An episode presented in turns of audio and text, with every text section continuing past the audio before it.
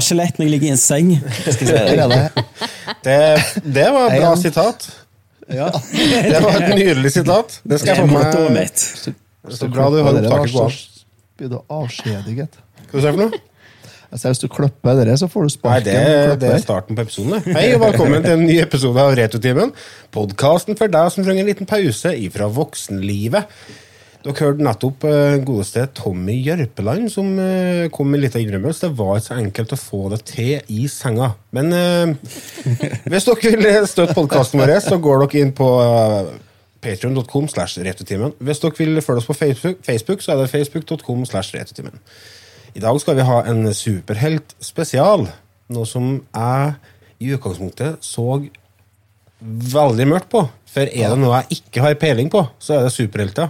Superhelter for meg, det er Supermann og Batman. Det Ja, det flere. er, det er mye mer.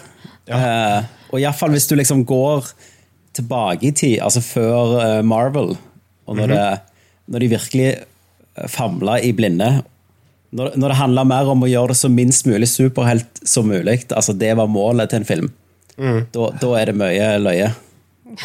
Ja, jeg snubla over en dokumentar på Var det Amazon Prime, tror jeg? Der, vi, der de gikk gjennom historien til superhelter på film fra oppstarten på uh, 30-tallet, eller når det var, og fram til i dag. Og det er jo så vanvittig mye forskjellige helter og, og ting som skjer, og folk som skaper, og så forsvinner de, og så, og så bare få, klare å få oversikten over det, det var ikke enkelt, altså. Så jeg er litt spent. Men eh, dere har nå hørt den godeste Tommy Jørpeland. Han er eh, programleder for podkasten Nerdcast, som har eh, vendt tilbake fra de døde. Hvordan føles det? Ja. Nei, Det føles bra, men jeg vil heller ikke kalle det programleder. For jeg, på en måte, jeg føler ikke jeg klarer å, å lede programmet, som oftest. Nei, Det bare er- ramler seg eh, fra start til slutt. Du er litt som Dan Børge med tre vaktmestere i rommet. Det, er det fineste noen har sagt til meg ever, tenker jeg. Dere er jo Nei, ja, det, det er det, altså. Dere er ute med Eller siste Eller første episoden dere hadde tilbake, var jo den episode 145. Den har jeg hørt. Der dere Ja. bl.a. snakker om den britiske hageserien Gardeners World. Ja, det, det er det det har blitt, altså. Det starta som en sånn altså, Vi starta jo i 2009-10 som sånne unge, freshe gamere som jeg hadde vært i England og hørt podkast, og det hadde ikke kommet helt til Norge. Ja. Og vi, vi, vi banna litt, og det var litt sånn Jeg liker ikke dette ordet, men det var litt sånn guttastemning, da. Ja, ja, det var og nå sitter vi sånn elleve år etterpå, og nå er det hage og dugnadssnakk og Strekking og ja, strekking. jeg, jeg får midtlivskrise av å ta det opp hver eneste gang. Altså. Det, men det er løye, da. Ja, ja. Det var veldig koselig å få dere tilbake på lufta igjen. nå. Dere, eh, når jeg begynte å høre på podkast i rundt 2013-14, så tror jeg kanskje dere var en av de første jeg har hørt. I hvert fall når det var sånn spill, eh, spillpodkaster. Ja. Så, og du har, vi har jo faktisk laga en episode i lag for mange år siden, hvis du husker det. Det var på ja på Retrospillmessa. Nei, jeg tror ikke det var Nei. Retrospillmessa. Det var den greia i Lillestrøm. Ja, var ikke det Nei, ikke det var igjen. Spillekspo? Spillekspo, ja. Spillexpo var det, vet du. Der Ja, hadde vi en stemmer. sånn eh, eh, crossover-episode med Ja, stemmer det. Returtimen og, og Nerdcast. Og det var jo ganske artig. Ja. Kryssa dere stråler? Nei, vi kom aldri så langt. Nei, dessverre. Men dere har, jo, dere har jo på en måte Hvilken episode er dere på nå? 200 og- 2004 260, tror jeg. Ja, så Dere har jo liksom grust oss allerede I antall episoder, ja. i antall episoder. ja. Men, Vi, eh, vi, er- vi er litt for slappe på det der, altså. men det som var veldig artig å se, syns jeg, når dere annonserte at dere skulle komme tilbake, var den enorme responsen dere fikk. Ja, det, det hadde vi faktisk ikke helt venta sjøl. Vi hadde venta liksom de der ildsjelene, men, men at uh, det tok sånn av, og at vi fikk liksom såpass lyttertall som vi allerede har igjen, med, å, å, med tanke på at vi har vært vekke i to år, så var det helt konge. Men du ser jo nå liksom det glamorøse podkastlivet når jeg må ligge nede i senga og ta opp, Hotellseng og og ungen er, og samboeren er oppe. Ser Pirates of the Caribbean, så her er jeg. Ja, men det er jo sånn med oss, det er jo sånn med oss alle. Ida er jo forvist til et kott på loftet. Ja. Og Lars er jo forvist til et kott på loftet, og jeg er jo forvist ned i kjellerstua. ja. Er jo, Sånn det er jo det å bli som voksen. lever det fete liv, liksom. Nei, det, det du, blir, du blir ikke rik av dette, liksom. Nei. Gjør ikke for pengene. Nei, men kjære vene. Gjør ikke ikke for Nei. pengene, vi gjør det jo for, for eh, nar narkotikaen og, og Gratis narkotika og det er for, fest. Det er jo for horene og kokain. Ja, stemmer det. Ja, ja, jeg har sagt det hele tida, at jeg er kun med for horer og kokain. I tillegg til en Tommy, så har vi Otto, som dere hører. Sitter og brifer med Hallo. sin hunger etter dop. Og så har vi Ida. Hei, Ida. Hello! Hvordan går det med deg? Jo, litt sliten, men eh, ellers går det ganske greit. Sitter du bare og blomstrer? Jeg sitter og blomstrer fortsatt. Jeg har en pikant avsløring om Ida kom med i dag, forresten. Ja, det blir Nå spennende. er jeg spent. Ida har tilbrakt 11 timer i dag med røven i været og en i lag med en engelskmann. Ja. Der har Ja, dere en sneak peek på hva har du gjort siden sist. Ja. Vi går over til den spalten. Hva har du gjort siden sist? Så jeg vurderer om jeg skal krysse inn panda Det her blir jo ikke bra. Jeg ble kontakta av en bekjent, og han hadde 160-170 laserdiskplater. Hva heter det? Tvangsjakke? Eller tvangsgenser? Jeg husker ikke hva det heter. Tvangstrøye. Tvangstrøye! Genser. Hva har du gjort siden sist? Ja, men Nå ble jeg skikkelig imponert, for at det, nå er det litt sånn eh, hvordan pølser er lagd. Men dere spiller jo faktisk av jinglen og sitter og venter. Det, har vi, det har vi aldri fått til. Så det må vi klippe inn manuelt hver eneste gang. det- det her er det- her er det Siden 2010. Her er disiplin, er det. Ja, Herremann, teknologien har kommet langt, det. Du ser ikke du. Du ser ikke, men, men jeg og Ida har jo, har jo sånn armbånd som Lars gir oss støt hvis vi Å ja. Jeg er nødt til å ha litt kustus på de toene her. Det er tross alt tre trøndere i eh, samme podkast, og det må være litt kustus. Altså, Ja, det, er, det er vel strengt tatt egentlig ikke lov? Nei, det er ikke det. Faktisk Nei. ikke. Det, er sånn, det, kan bare være, det én Stavanger-fyr i en skrekkfilm. Og det er han som springer rundt, Ja, og så, og så dør han sånn halvveis ut i filmen. stemmer. Veldig ofte så Ja, og han er i slekt med Kristoffer Joner, selvfølgelig. Ja, Han han har fått den jobben gjennom Kristoffer Joner. ja og så har han ofte rødt hår, har jeg funnet ut. Ja. Ja. Tenker du på Sånn, hva, er- hva, Det er han fyren i dere Ja, I Fritt vilt så har du jo han. Ja. Eh, eh, han Rolf Christian som springer rundt. ja. Eh, og så har Så du i du heter Rolf Christian, så er det lov å drepe deg. ja. Og så har du villmark. Er sikker på at det finnes mer tilfeller ja. av, av denne her løgne Stavanger-mannen. Apropos Stavanger, eh, hva dere Nei, det, jo, du kommer fra Stavanger. Hva har du bedrevet de siste dagene med, Tommy? Eh, Du, jeg har gjort det samme som jeg har gjort siden mars i fjor. Det har vært på hjemmekontor. Ja, hva, hva, Ja. hva du jobber med? Eh, Jeg, jeg er filmredigerer, eller TV-redigerer akkurat på tida. Så jeg klipper på en, eh, en serie om eh, Det jeg tror jeg er lov å si. Om mulla Krekar. Oi, Som skal på NRK i, i år eller i januar neste år. Et kritisk blikk, eller? Eh, ja, litt kritisk blikk. Det er litt en eh, Det er Romantisk jo det, komedie. altså. Det, det er jo En romkom? Ja, ja, altså på mange måter så er det jo en romcom mellom Brynjar Meling og mulla Krekar. Ja, ok. eh, advokaten hans. Men så får du på en måte med hele spekteret av denne her sinnssyke historien som har skjedd i lille Norge. Som er mye større enn folk flest tror.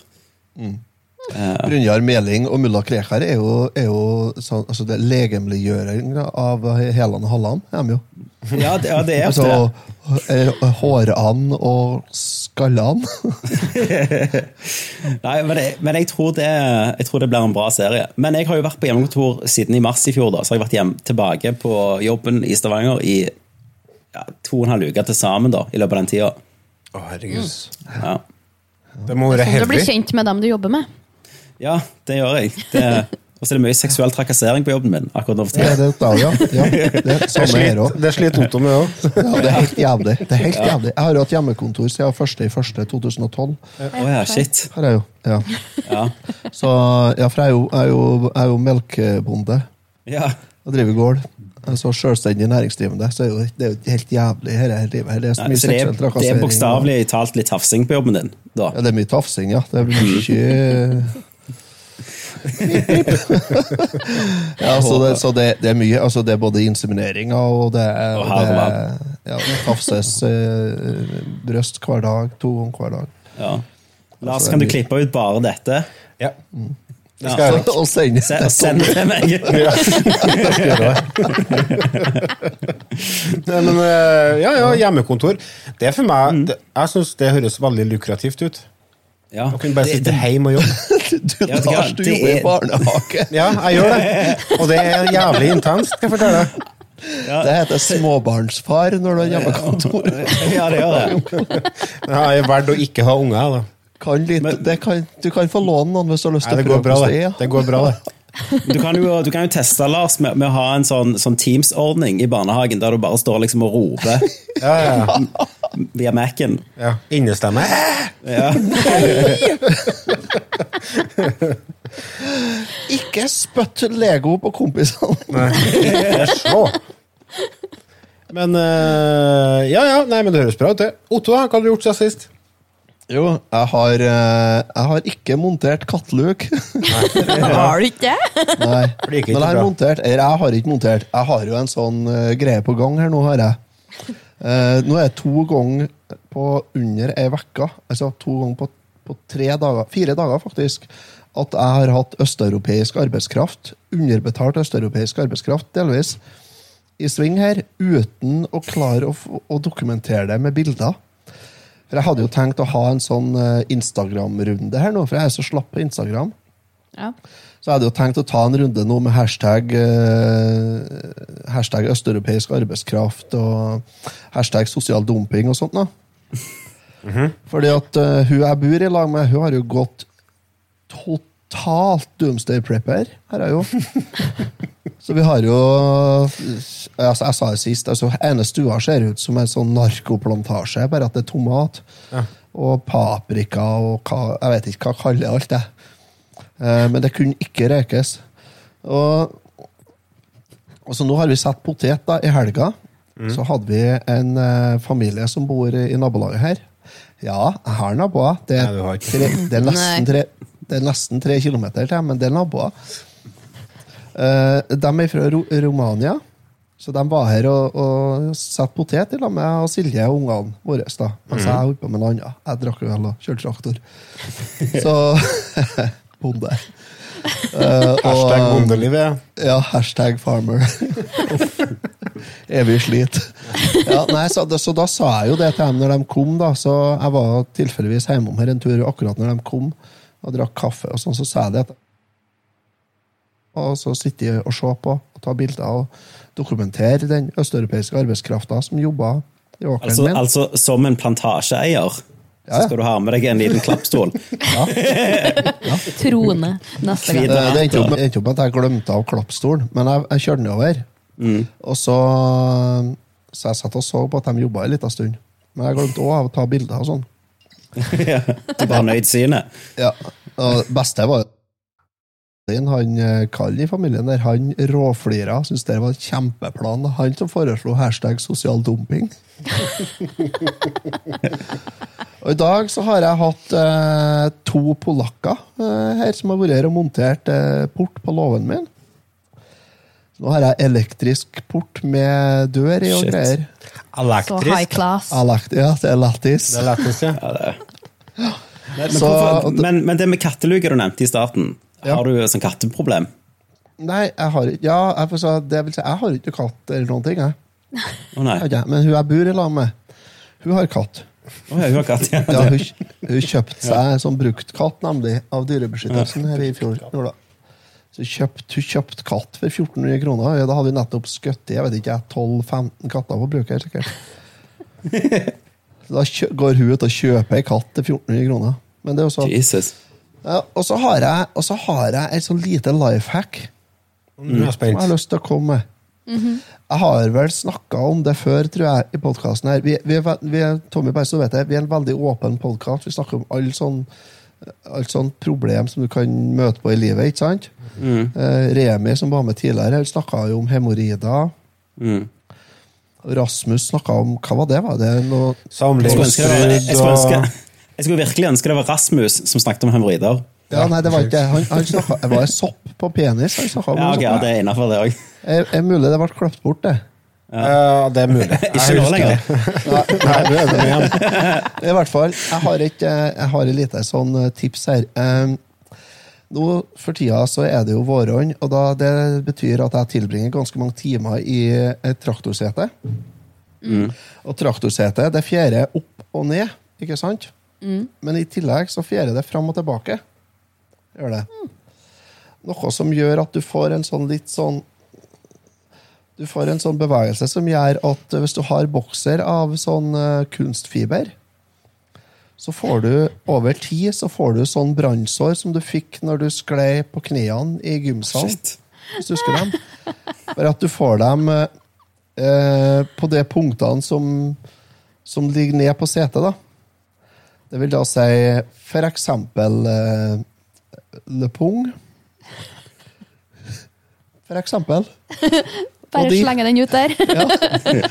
Den, den, den tingen som detter ut av bokseren når du har en hølete bokser og du sitter i skinnstol. Den tingen. Ja. Og da vil jeg bare anbefale Dick Johnsons Ballwax eh, for smøring. For den gjør at eh, For når du, når du kommer inn etter en sånn 16-timersdag i traktoren, Som vi alle gjør, eller? Ja, ja. ja, eller noen kanskje, Det kan hende noen som sykler mye, eller et eller annet. ikke sant? Folk kan jo oppleve det her. Andre folk òg. Vanlige folk. Normale dødelige. Normale dødelige. Når du kommer inn og tar deg en varm dusj, da, og så kjenner du det at du har den følelsen som du har etter første dagen ute i sola i Tyrkia, når du har vært på tyrkisk bad og blitt på total bodypeeling, og så har du gått ut og ligget pladask i tolv timer i solsteken, og så kommer du hjem på hotellet og tar en kjempevarm dusj, og så tror, tror at dette skal bli, dette skal bli oppfriskende. Det blir jo ikke det. Det kjennes ut som du blir kokt levende i olje. Men tar du på dette den Dick Johnson stickwax Nei, ballwax, hva den heter Ja. Ja, tar du på den før eller etter? Etter dusjen. for- Etter Ja, okay, så du tar den ikke på deg før du skal kjøre, så du bare sitter og sklir fram og tilbake? Det er jo en idé, da. Life men, hack. Men, men, eh, men, det er sånn at, men det er sånn at uh, du lærer etter eh, altså for, for, for hver runde vi har sånn, eh, sånn langøkt med traktorkjøring, så, så, så kommer vi på at du stemmer det. Vi skal ikke ha sånn kunstfiberbokser, nei, når vi kjører traktor. Det skal vi ikke ha. Det kommer du på, men du glemmer det til neste runde, ikke sant? for det tar jo en måneds tid. nå Ja, for jeg er mener at du hadde akkurat samme utfordringer i fjor på denne tida. Jeg har, Kanskje det, hvert år. det er helt korrekt. Men det er et annet, annet spørsmål som er viktig å stille her. Er du ute etter spons? Nei, nei, jeg har kjøpt massevis. Ja, ok. Men, bare, men har du prøvd sånn Ikke at jeg har eh, så mye erfaring med dette, men har du prøvd sånn, sånn klatrekalk? Talkum. Talkum. Babypudder. Babypudder. Ja. Jeg har tre unger. ja. Så dette har du prøvd? Ja, Svaret er ja. Altså, det, det blir litt sånn Det blir litt sånn sement av det. Oh, ja, ok. For du blir litt svett òg. Ja, skjønner. Det hjelper jo selvfølgelig ikke at en av ungene mine har satt på setevarmen i traktoren min. da. Nå har jeg funnet ut etter åtte timer en dag her. Eh, så, så jeg vurderer nå sterkt å bytte ut den bryteren for setevarmen med tegnestifter. Mm. Og så smekk fingrene åt den som blør fra fingertuppene. Men i hvert fall, eh, Dick Johnsons Ballwax det får, eh, det får du kjøpt på Dæven, her, her Fra nettsida di? Det sitter lang- tid å si, men uh, blivakker.no. du rente deg på en reklame nå. Nei, det er Håkon Puntervold skal ha all skyld her. Yes. Selvfølgelig. Han, han, får, han, klart, han er som regel det. Er det gamle netthandelen. Ja, okay. Han jobber jo der, vet du. Håkon er jo under Han er hva han er? Underassisterende underlagervarehusmedarbeider. Assistent. Det høres ut som bli, Fleksnes. bli tittel. Ja, det er tittelen hans. Ja, han er sånn Han er sånn Han koker kaffe og blander saft til polakkene som jobber på lageret. Apropos saft. Ida, Yes. Eh, Nå skal nei. vi høre om engelskmann og rumpa i været. Ja, nei, jeg var Jeg er jo ferdig utdanna hageplanlegger. Woo! Så jeg fikk jo så klart en hage slengt i fanget og sa 'den her tar du'. Det heter 'Du har kjøpt deg hus', eller? Nei, har det heter 'Jeg har kunder'. Og du har kunder. Ja, Nei, Ida, du, da, Ida, du hadde passet rett inn i Nerdcast med, med den hageerfaringen nå. Det er Ja. akkurat den målgruppen må prøve å ta. Altså, det, her er, det her er metaforer alt i hop, ikke sant? Det kom en kunde med hagen sin og sa 'hei, spaden din her'. Otto, ro deg ned litt. Rann. Ida, fortsett. Uh, ja, nei, så jeg har uh, fiksa bed og designa blomsterbed. Staudebed. Men hvor mye altså, Jeg skjønner ikke dette. Hvor mange forskjellige måter kan du ordne et blomsterbed på? Det er jo bare så smekk det blomster oppi kassa, ikke sant? Nei, det er litt høydeforskjeller. Eh, forskjellige blomstringstider. Noen blomstrer i april, noen blomstrer i oktober. Du vil jo ha blomstring hele sesongen. Ja, det, vil- ja, det er selvfølgelig noen man ha det. bievennlig høyde rundt omkring? Nei da, det er mye å tenke på. Steiner. Det må jo Bievandring, hva er det for noe? Bievennlig. Å ja, bievennlig. Fins det ikke-bievennlige blomster? Det er noen blomster de ikke er like glad i, som eh, andre typer. Hva heter de, da? Nei, også, det er jo mye forskjellig. Det brenner jo, du. Brennhute, Brennhute, jeg. Tommy, vet du hva brennhute er for noe? Nei, jeg gjør ikke det. Altså, jeg, eh, jeg er ganske dårlig på sånne hagegreier, men samboeren min har jo bare tatt over stua snart. Eh, Med okay. Med hager og planter, altså. tror jeg det heter. Ja, brennesler, ja. ja. Men det vet jeg ikke. Ja, ja. Brennhute. Jeg har jo en barndom, vet du. Da vet du hva brennesler er. Alle har bekka en sykkel oppi et tu med brennhute. Yes. Yes. Oh, ja. Nei, og så på lørdagen så så jeg jo finalen av Melodi Grand Prix. Yeah. Så det Hva syns du det gikk, da? det er jo spenning hvert år. Ja, det er jo Og jeg ser jo jeg ser aldri noe av det. Fenn finalen, så finalen er det eneste jeg ser. Ja. Så da er jo sånn uh, på alle sangene som kommer. Ja, I og med at de, det er så jævlig mye ræl. Det er så mye ræl! Og det er det som gjør det så topp. Det er Ja, fantastisk å se på. Det er så mange som har misforstått det med Grand Prix. Det er ikke en musikkonkurranse, det. Det er jo et freakshow. Ja, ja, ja. Det er som gjør at det er artig. fantastisk. Men, men noe har jo skjedd der med, med Grand Prix, for at jeg har eh, hatt en, en ja. Du kommer for en dag. Nå skal Men- skapet åpnes. Vi kjørte til tall, Når vi snakker om planter, sånn, så brukte vi søndagen på å kjøre til Talje gartneri for, for å kjøpe planter. Og Da hørte vi på sånn Melodi Grand Prix-spillelista fra, fra starten. Ja. Og i begynnelsen av Melodi, Melodi Grand Prix, gjerne de første 40 åra ja. ja, hør nå. Så var jo dette en sånn kulturdeling-ting. Altså da det uh, joiking og Ja, ja, de sto på. og masse sanger. Og så nå har det, liksom De siste 15 år har det blitt sånn de prøver å finne en formel da, til hvordan kan vi mest mulig vinne, og så prøver alle å treffe den. Og det, Ja. det, det er jo mer underholdende, da. Det tar jo mer av, men variasjonen er gjerne ikke så store. Og så har det blitt veldig mye mer fokus på det med å fronte politiske meninger og holdninger. ja, og så er det Ja. en sånn svær pride parade. Ja, det har jo blitt det. Ja. Ja. Jeg tror ikke det nødvendigvis var det på 50-tallet, liksom. Nei, det tror jeg ikke. Nei, jeg tror ikke jeg heller. Åse Kleveland eh, er Jeg vet en det gammel mann, en som har levd lenge Jeg syns det er artig at det kommer litt tilbake, der, at de synger på eget språk. Ja, det er Det klart. liker jeg. Det syns jeg er topp. Det var helt idiotisk når alle sammen skulle synge på engelsk, og så er det veldig mange land som ikke kan engelsk. Ja. Og da blir det sånn ho-ho, der var du ikke helt heldig! Nei, men det, er litt, det var litt magisk òg, det, syns jeg. Ja. Ja, litt sånn østblokk-engelsk eh, Oh, blanda med sinnssyke liveshow. Men nå har ikke sett det på mange år, det må jeg bare En liten sånn disclaimer her. Ja, for det er jo virkelig noe som de eh, bruker mye penger på. Det er jo deres sceneshowene. Altså, det er Ja, noen helt ja, ja. vanvittige produksjoner som står bak oss. Det er imponerende hva han klarer å, å få i stand på en scene. ja. Men da har jeg et spørsmål, Ida. Jeg har ikke fått med meg så veldig mye. Uh, han Tix, hvordan plassering ble det til slutt? Han fikk 18.-plass. 18., ja. Ja. Så bedre enn Teigen. Av Hvor mange er 26. Ja. 26? Og så han fra England, han er jo kjempesur. Ja. Han fikk eh, null poeng av både juryen og publikum. Det var han som ble doptesta, det. Nei, det er Nei, det var- Italia. vant. Vet dere hvorfor at England fikk null poeng? Det var jo en forferdelig sang. Ja, det er nå én ting, men i og med at men, men, men da burde jo eh, alle fått null poeng. Hvis Ja, det er sant. kriteriet det, Grunnen til det er at i 1975, eller når det var, så ga England null poeng til ABBA med låta 'Waterloo' når de vant. Ja. Og da er liksom greia det at hvis England ikke klarer å være glad i ABBA, så kan jo ingen være glad i England. Nei. Eh, Det er ingen som liker meg, da. nei, du, du ligger på tynn is der. Altså, det skjønner ikke jeg. Altså. Hvis du ikke liker ABBA, da har du ikke hørt musikk. Da må du bare blåse opp ørene dine. Siden dette blir en sånn Eurovision-spesial, da, eh, merker jeg. Hvem er, hva land er det som har vunnet mest i Eurovision? Ir Irland. Irland? Ja. Irland. De hadde jo han eh, Hva heter han Og han Åh, turkeyen, Jesus han er Christ. drittøff.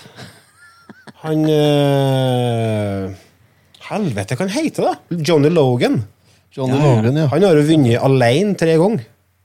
Det er jo ingen andre som har gjort.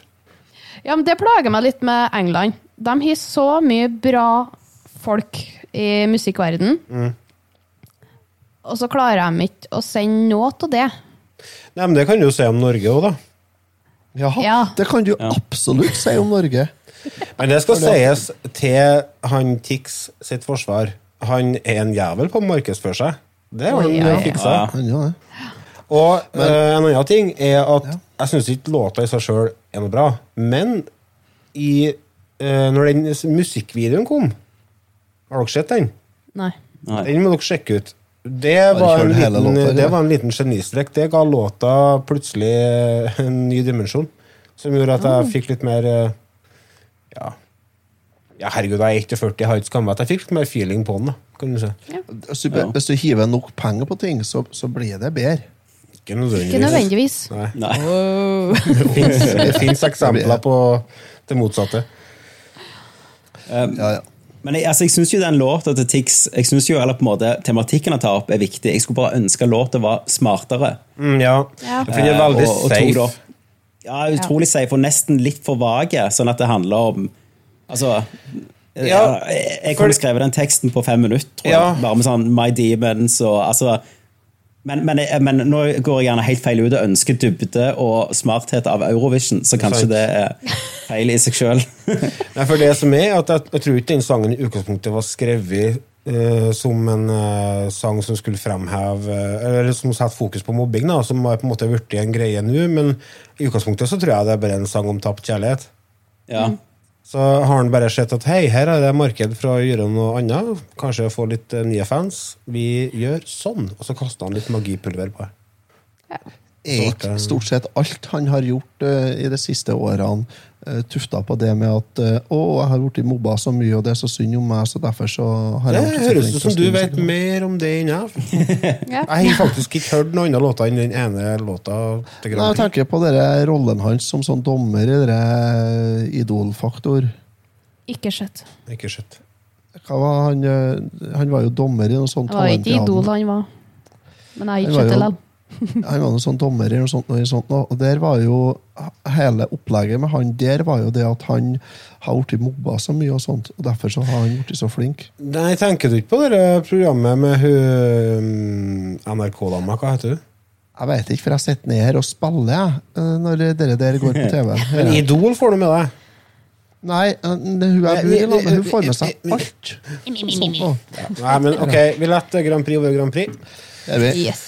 Jeg, skal, jeg har spilt PlayStation 5 i det siste. Nærmere, bestemt et spill som heter Returnal. Som er utvikla av finske House Marquee. Og utgitt, på, utgitt 30. april i år. Tredjepersons skytespill med rogelike-elementer. For dere som er interessert i sånt. Um, jeg tenkte jeg skulle eh, fortelle dere litt om spillet. Ja. Du spiller som ei dame som heter Selena Vassos, som er sendt ut fra planeten Astra.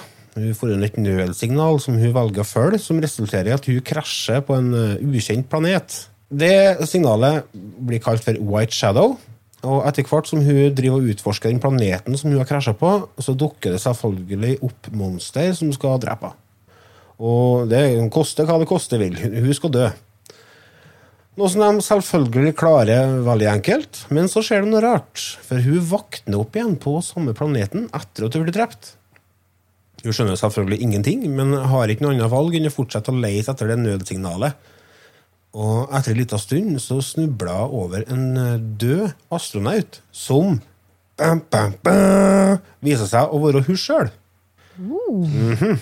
Det er ganske med en twist. Yes, det er starten på historien. Eh, Og den historien får du gradvis avdekka gjennom Unnskyld. Forskjellige flashbacks som hun Selene får, og sånne lydopptak som du finner rundt omkring i verden. da.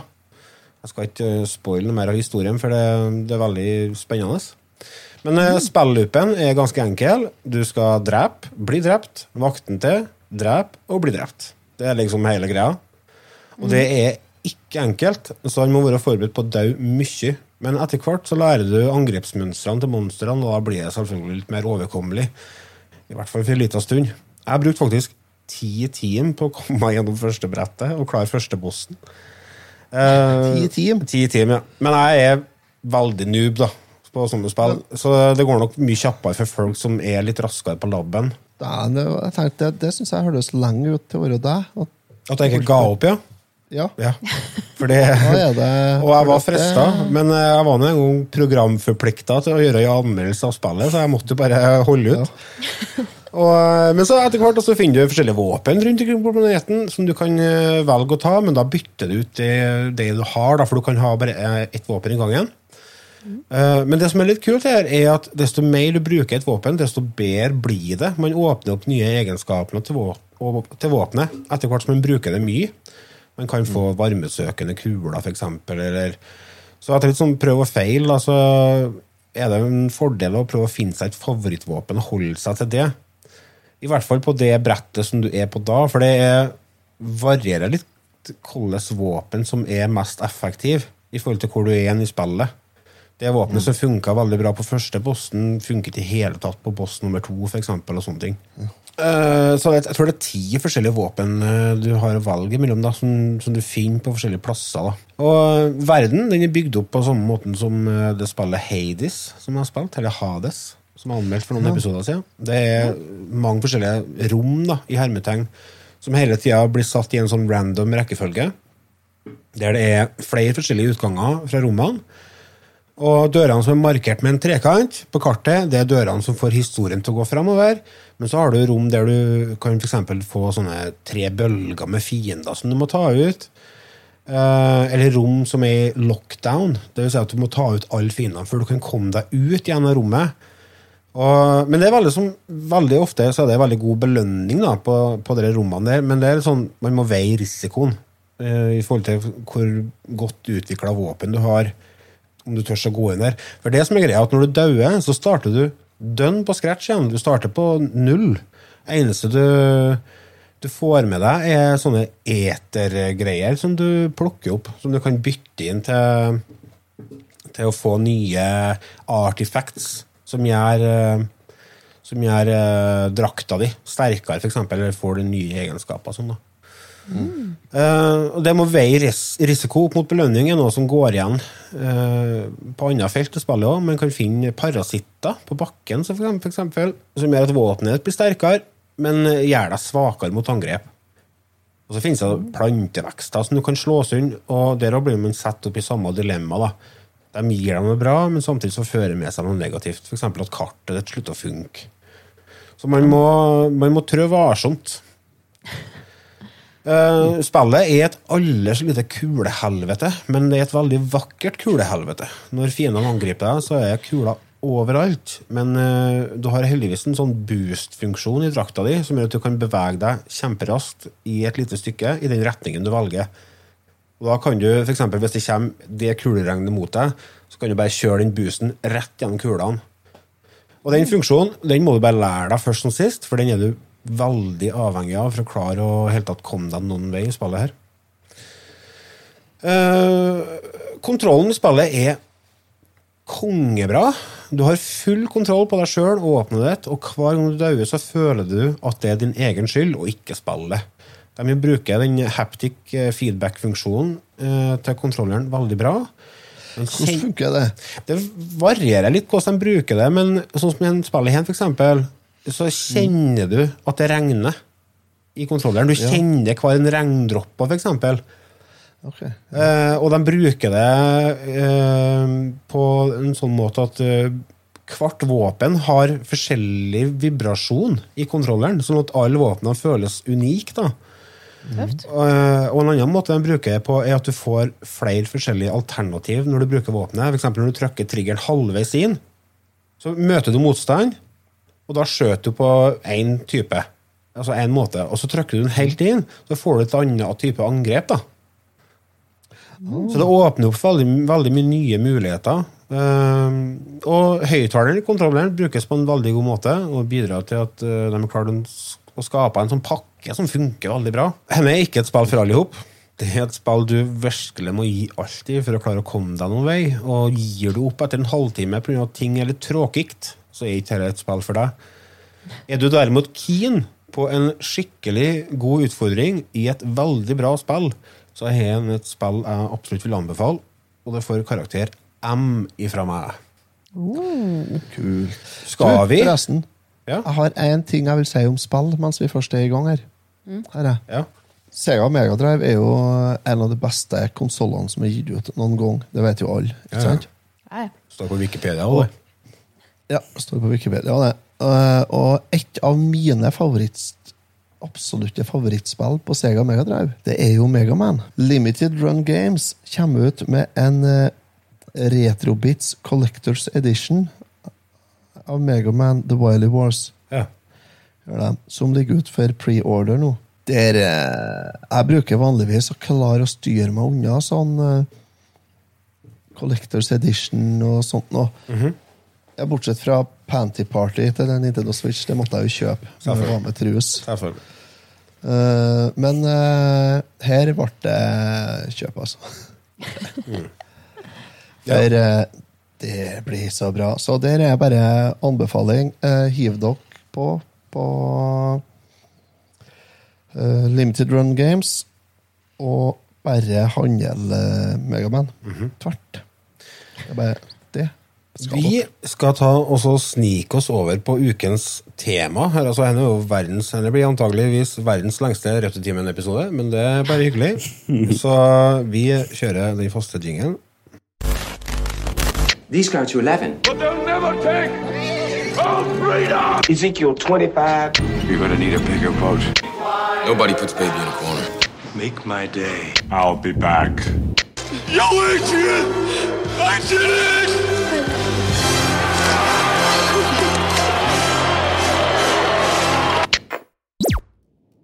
Når en godeste Tommy fikk eh, spørsmål om hva han ville prate om, så kom svaret ganske greit. Han ville snakke om hvordan eh, superheltfilmene har utvikla seg fra 1989 og fram til i dag. Rimelig spesifikt. Ja, altså, vi, kan begynne litt tidligere med tanke på, på Supermann. da. Mm. den kom i 78. Ja. Hele starta jo på 30-tallet, når tegneseriene Ja. eh, begynte å få fotfeste. Eh. Ja, og i 38 så kom jo det Action Comics nummer én, der han Siegel og Schuster introduserte Supermann. Og året etterpå så kom Batman, eh, og Batman og Supermann de representerer sitt ytterpunkt av den superheltskalaen. Der Supermann han er alien, som er uovervinnelig. Han er omtrent en gud.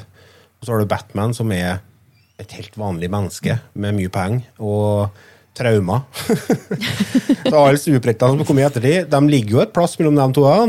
Ja, jeg skal ikke si det. Det er jo oppskriften for de fleste, egentlig. Og Supermann og Batman de ble jo veldig populære, eh, noe som igjen trigga kreativiteten og pengehungeren til tegneserieindustrien. Eh, en annen industri som ble keen på å tjene kroner, det var jo Hollywood. Eh, og dem, på den tida der, på 30-tallet, så hadde de nettopp introdusert lyd i filmene sine. Eh, noe som gjorde det ble veldig populært å dra på kino. Så filmindustrien eh, var på utkikk etter et eh, nytt marked, da, altså noe som kunne fenge et, eh, et publikum. Og det resulterte jo i disse eh, kortfilmene som vi fikk på 30-tallet, med Flash Gordon i 36, Zorro i 37, Batman i 43. Fantomet, hvor ble det av han? Han bare kom bort. Han var jo stor når jeg vokste opp. Fantomet de gikk dessverre ut av tiden fordi at uh, Kit viste seg å være homofil. Så slektens videre gang ble stoppa der. Det, Det ble er- bare 22 Fantomer. I hvert fall, superheltene kom som løpende det komme, De kom på løpende bånd i sånne kortfilmer, eh, men pga. at USA fikk en stadig mer rastløs ungdom, så fant de ut i 51 at de skulle eh, begynne å sensurere tegneseriene, for det var liksom selvfølgelig rota til alt rundt. Yes. Eh, som gjorde at eh, både tegneseriene og dere kortfilmene etter hvert forsvant fra mainstreamen. Men så kommer vi fram til 60-tallet, nærmere bestemt 1966. Et veldig viktig år.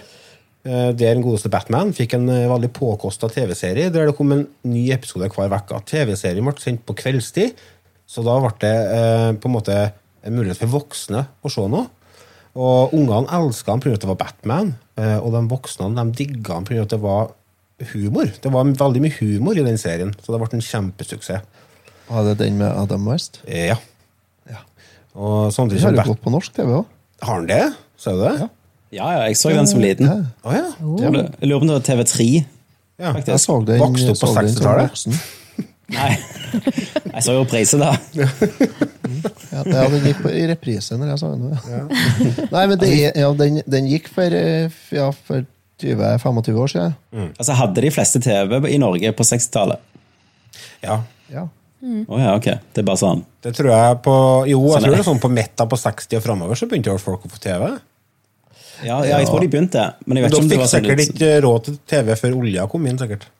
Nei, sant, så vi, vi bodde jo på gata fram til Ja, ja, eh, tidlig 70-tallet. Nei, da, du husker på det, Lars, de, de, drev jo med, de drev jo med sånn hermetikk vet du, nedi der på den tida. Ja. Så vi, vi bytta sånn hermetikklokk, og så sprang vi og slo på hjul og med pinne og sånn. Ja, dere gjorde det? Ja, ja, skjønner. Men i hvert fall, Samtidig som Batman ble mainstream da, på 60-tallet, så revolusjonerte Marvel Comics med Stan Lee i spissen superheltsjangeren. The Fantastic Four, Hulken, Spiderman, Ironman, X-Men er noe av heltene som ble skapt på 60-tallet. Og forskjellen på dem kontra dere DC Comics-gjengen, da, altså Batman og Supermann, var at handlinga var plassert på jorda. Så de kunne faktisk knytte historiene opp imot samtida, noe som gjorde at det ble mye lettere for publikum å knytte seg til heltene og relatere til historiene. Vært En Lyn-Gordon, når kom han? Lyn Gordon Jeg du, jeg, når jeg vokste opp, så trodde jeg Lyn Gordon var Batman. jeg. Å ja. Nei, det tror ikke jeg. Lynvingen. Ja, Lynvingen, jeg mener! Selvfølgelig. Det er samme fyren. Det er Ja. Lyn Gordon. Og Lynvingen er vel samme fyren, ja. Og så har du Batman, er jo Batman. ja, han er, ja, er ikke en Ja, Batman heter Lynvingen når han kom til Norge. Ja, gjorde han det? Ok. Ja, ja. Ah, så det er derfor det er for seg Ja, så, det, så Lyn Gordon Ja, for han heter jo Lyn Gordon i tegneseriene. Mm. Men, ikke, men Lyn Gordon er jo Flash Gordon. Ja. Og så har du The Flash i, i ja. Altså, Lynet Er heter The Flash, faktisk. Uh, The Flash Ja. Er det Flash Gordon? Nei. Nei, The Flash er, er The Flash. Ah, ok. uh, Lynet. Og så Flash Gordon er jo den der prototype Star Wars. Ja, han, han var jo bare en sånn romfarer med laserpistol. Mm. Som slåss mot stygge monster på fjerne planeter med sånn uh, gullfiskbolle på hodet og sånn. For å få pust. Men uh, dere tegneseriene som Stan Lee og gjengen uh, laga, de eh, ble veldig populære. Og det ble laga tegnefilmer eh, av dem, men de var fortsatt eh, sett på som barne-TV. da. Uh, Beregna på for unger. På 70-tallet derimot så forandra mye seg. DC Comics ble innlemma i Warner Bros., noe som igjen førte til den første Supermann-filmen i 78. Eller var det 79? Mm. Slutten av 70-tallet, i hvert fall. Det var den første ordentlige blockbusteren som inneholdt en superhelt. Uh, Christopher Reeve i rollen som Supermann gjør en fantastisk rolle. For dere som vil høre mer om Supermann-filmen, så sjekk ut episode 120 av Retrotimen. Første episoden med Remi. Ja, faktisk. Eh, fast Og det, eh, den filmen der begynte, begynte jo en trend som de kom til å fortsette med ute i Marvel-filmene. Eh, og det var jo på en måte å, å, å leie inn en etablert skuespiller i en sånn støtterolle, altså Marlon Brando, da. For å trekke inn folk, og så caster du litt mer ukjente som superheltene. Ja. Og det, det har de jo på en måte gjort i en, en haug med Marvel-filmer. Hvis Ja. du tenker på, på en måte Robert Downey jr. var et navn, men han var jo på en måte svartlista, men så de, trekker de inn Jeff Bridges i den. Og så eh, ja, altså forskjellige sånne eldre skuespillere i andre støtteroller, da. Marlon Brando og Christopher Reeve. En Christopher Reeve ble intervjua på TV i forbindelse med Supermann, og Marlon Brando eh, han var ikke, Reeve var ikke spesielt imponert over Marlon Brando, for Brando han ga jevnt faen. ja, men det gjorde han da. Han var i sånn Bruce Willis-stadiet de siste 20 årene av livet sitt. Og det, det er sånn kjipt å tenke på, da, med tanke på de ikoniske rollene som eh, Brando har gjort. Hvis han har virkelig gjort en innsats, tenker jeg. Men, men altså, det mest ikon, en av de mest ikoniske rollene hans utenom Gudfaren er jo i Apocalypse Now.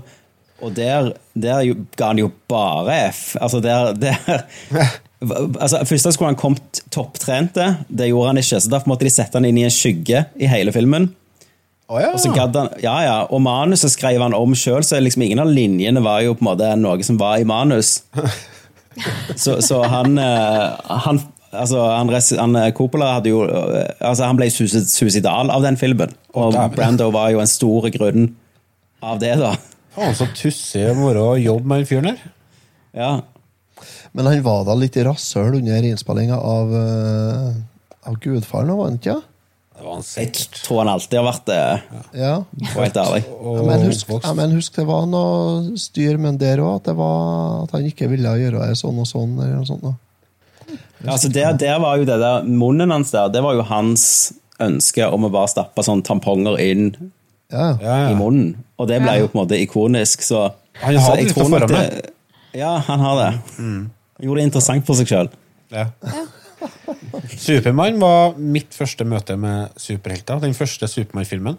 For jeg husker at uh, de ble sendt Jeg tror det var på, i mellomjula eller på nyttårsaften. Eller noe sånt. Nyttårsaften, ja. Ja. Jeg var ikke gammel gutten da, altså. Men jeg husker Nei, jeg, jeg syntes det var så kult åssen drev og flaug. Så jeg fikk jo helt, jeg ble jo helt rabiat opphengt i eh, symbolet til Supermann. Tegna det overalt. Det betyr jo håp, har vi lært.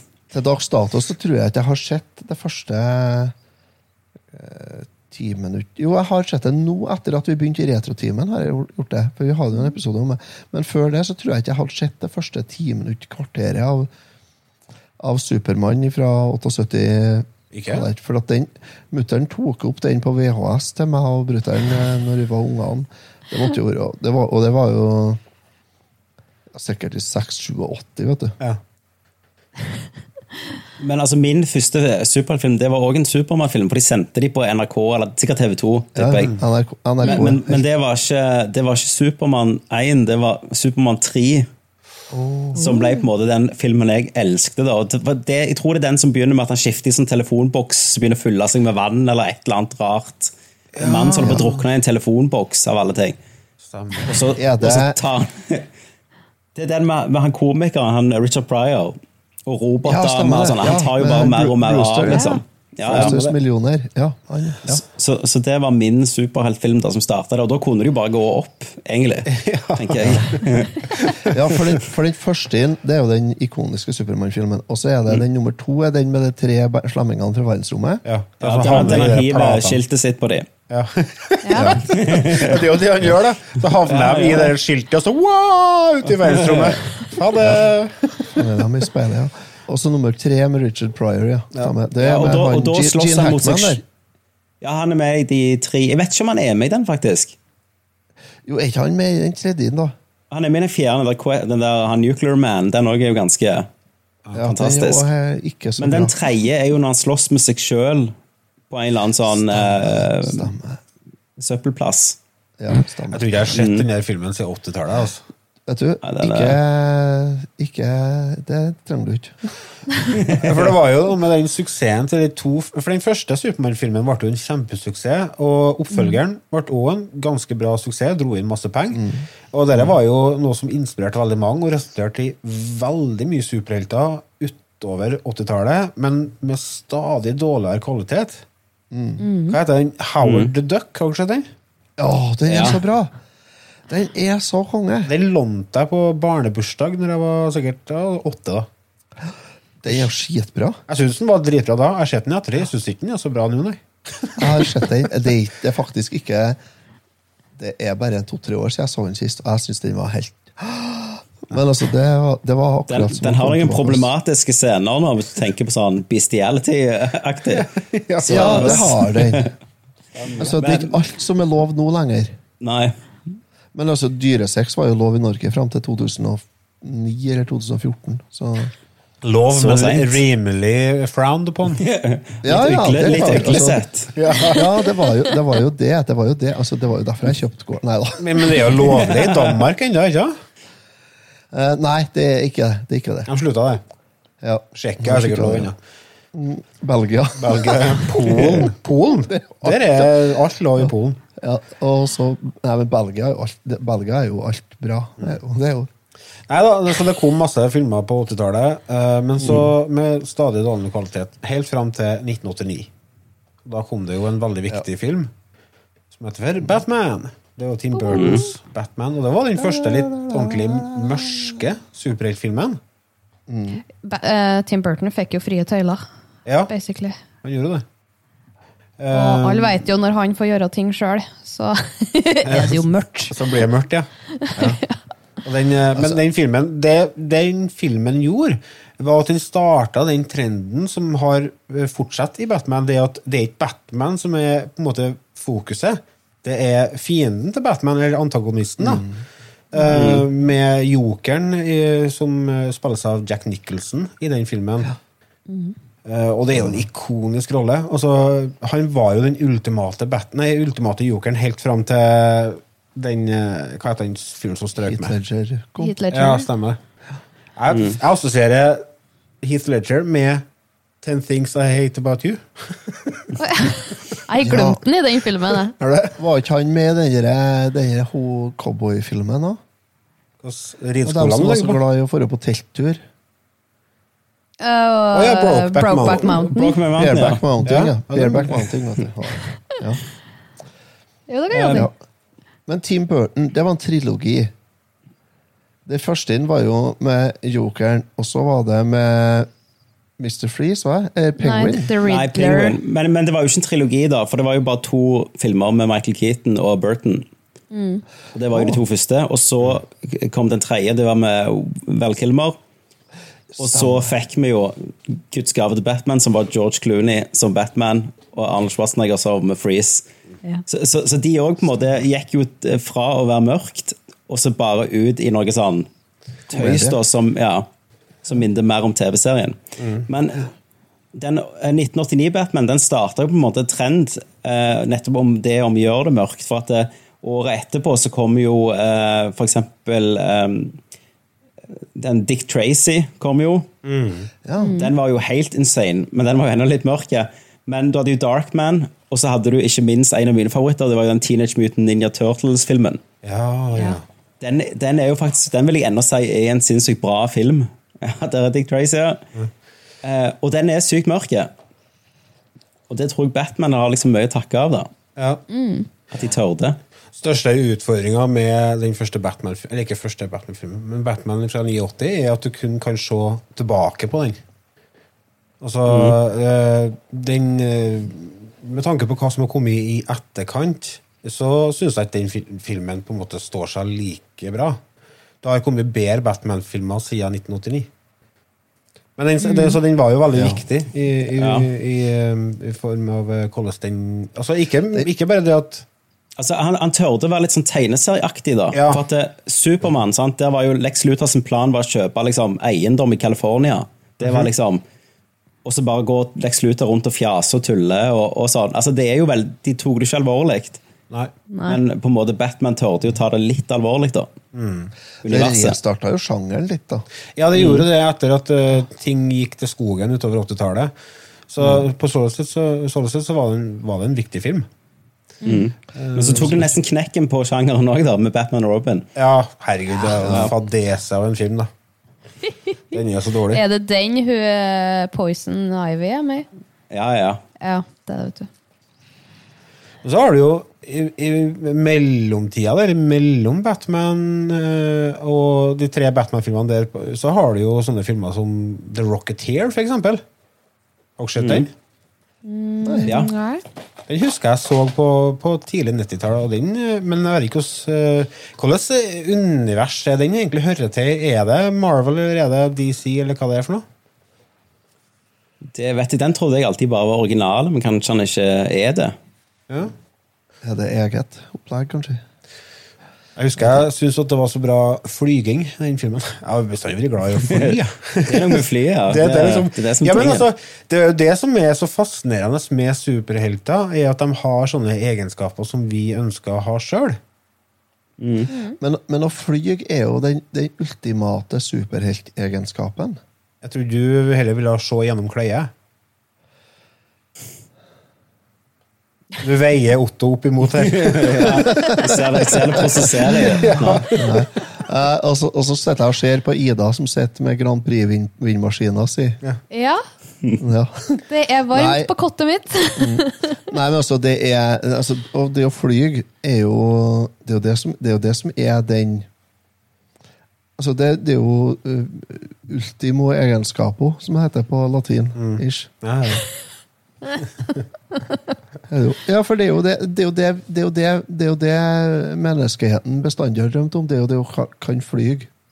Er det Vi har jo bestandig sett på fuglene. Så vi har sett på fiskene og svømme. Ja, det, er det ikke problem, å holde pusten.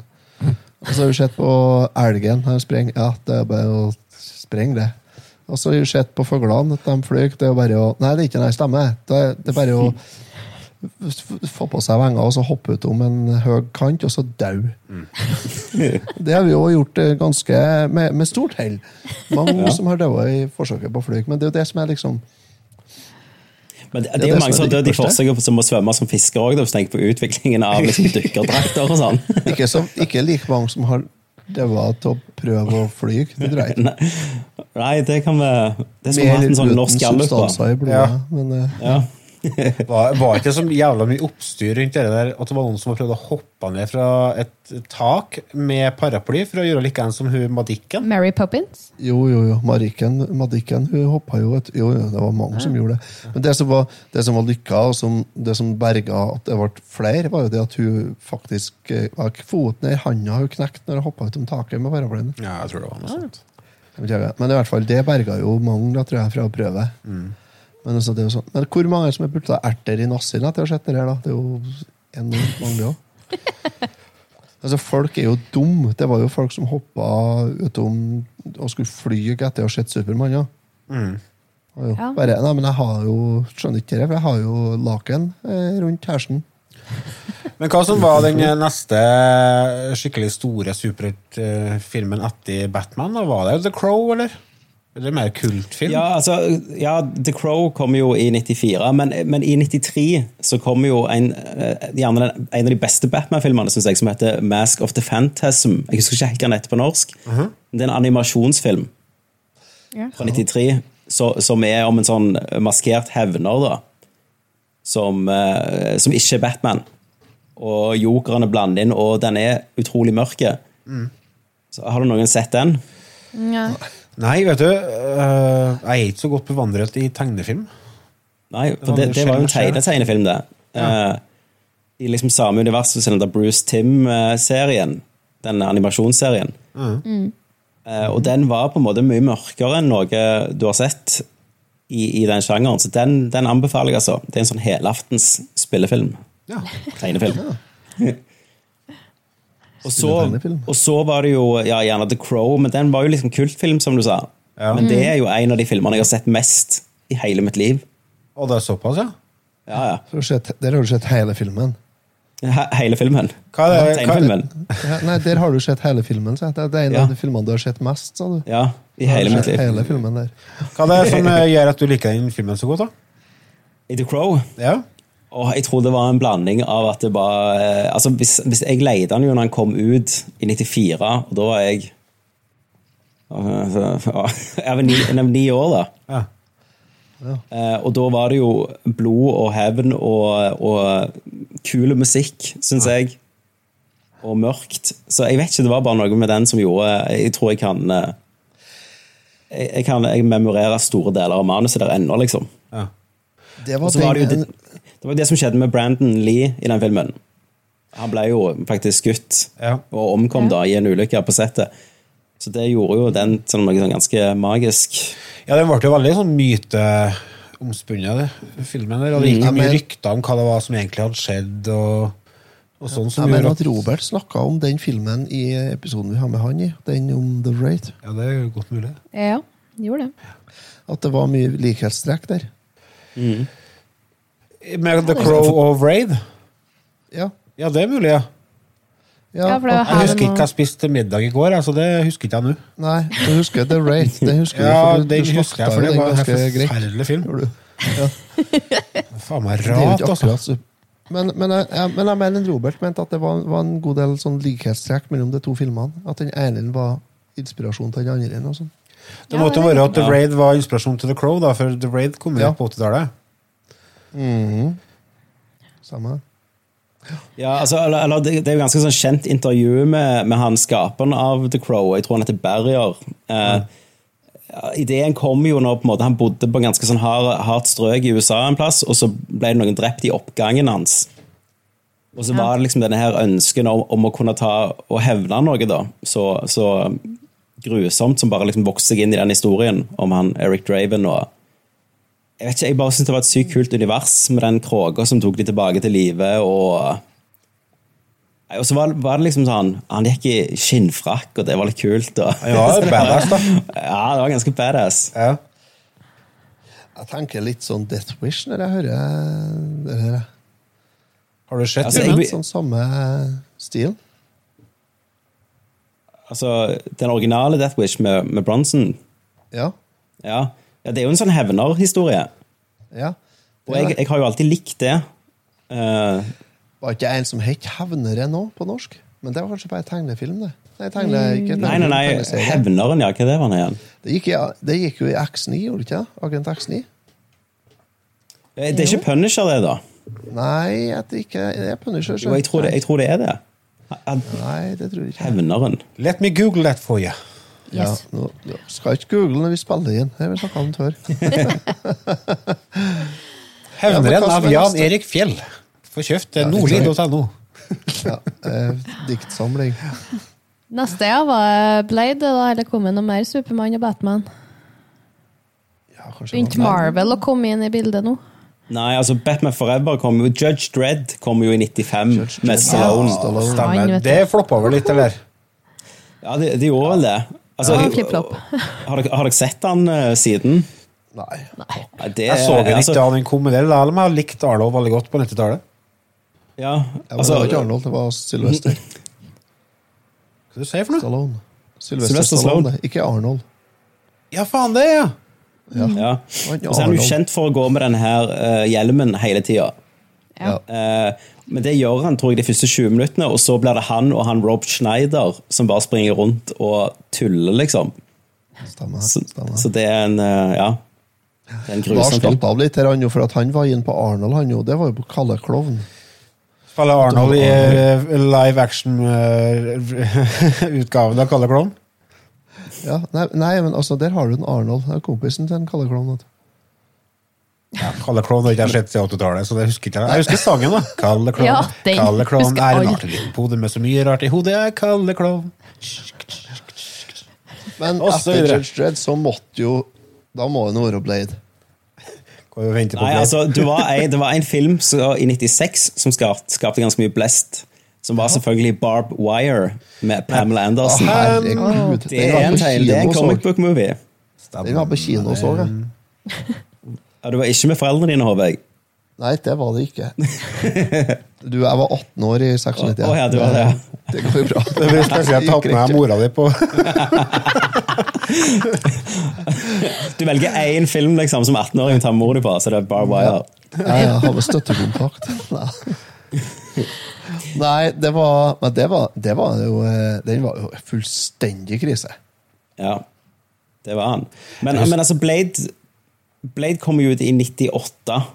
Ja. Altså Før den så hadde du jo Batman Open, som på en måte nesten tok knekken på det, men du hadde jo òg Men in Black, som var en kjempehit.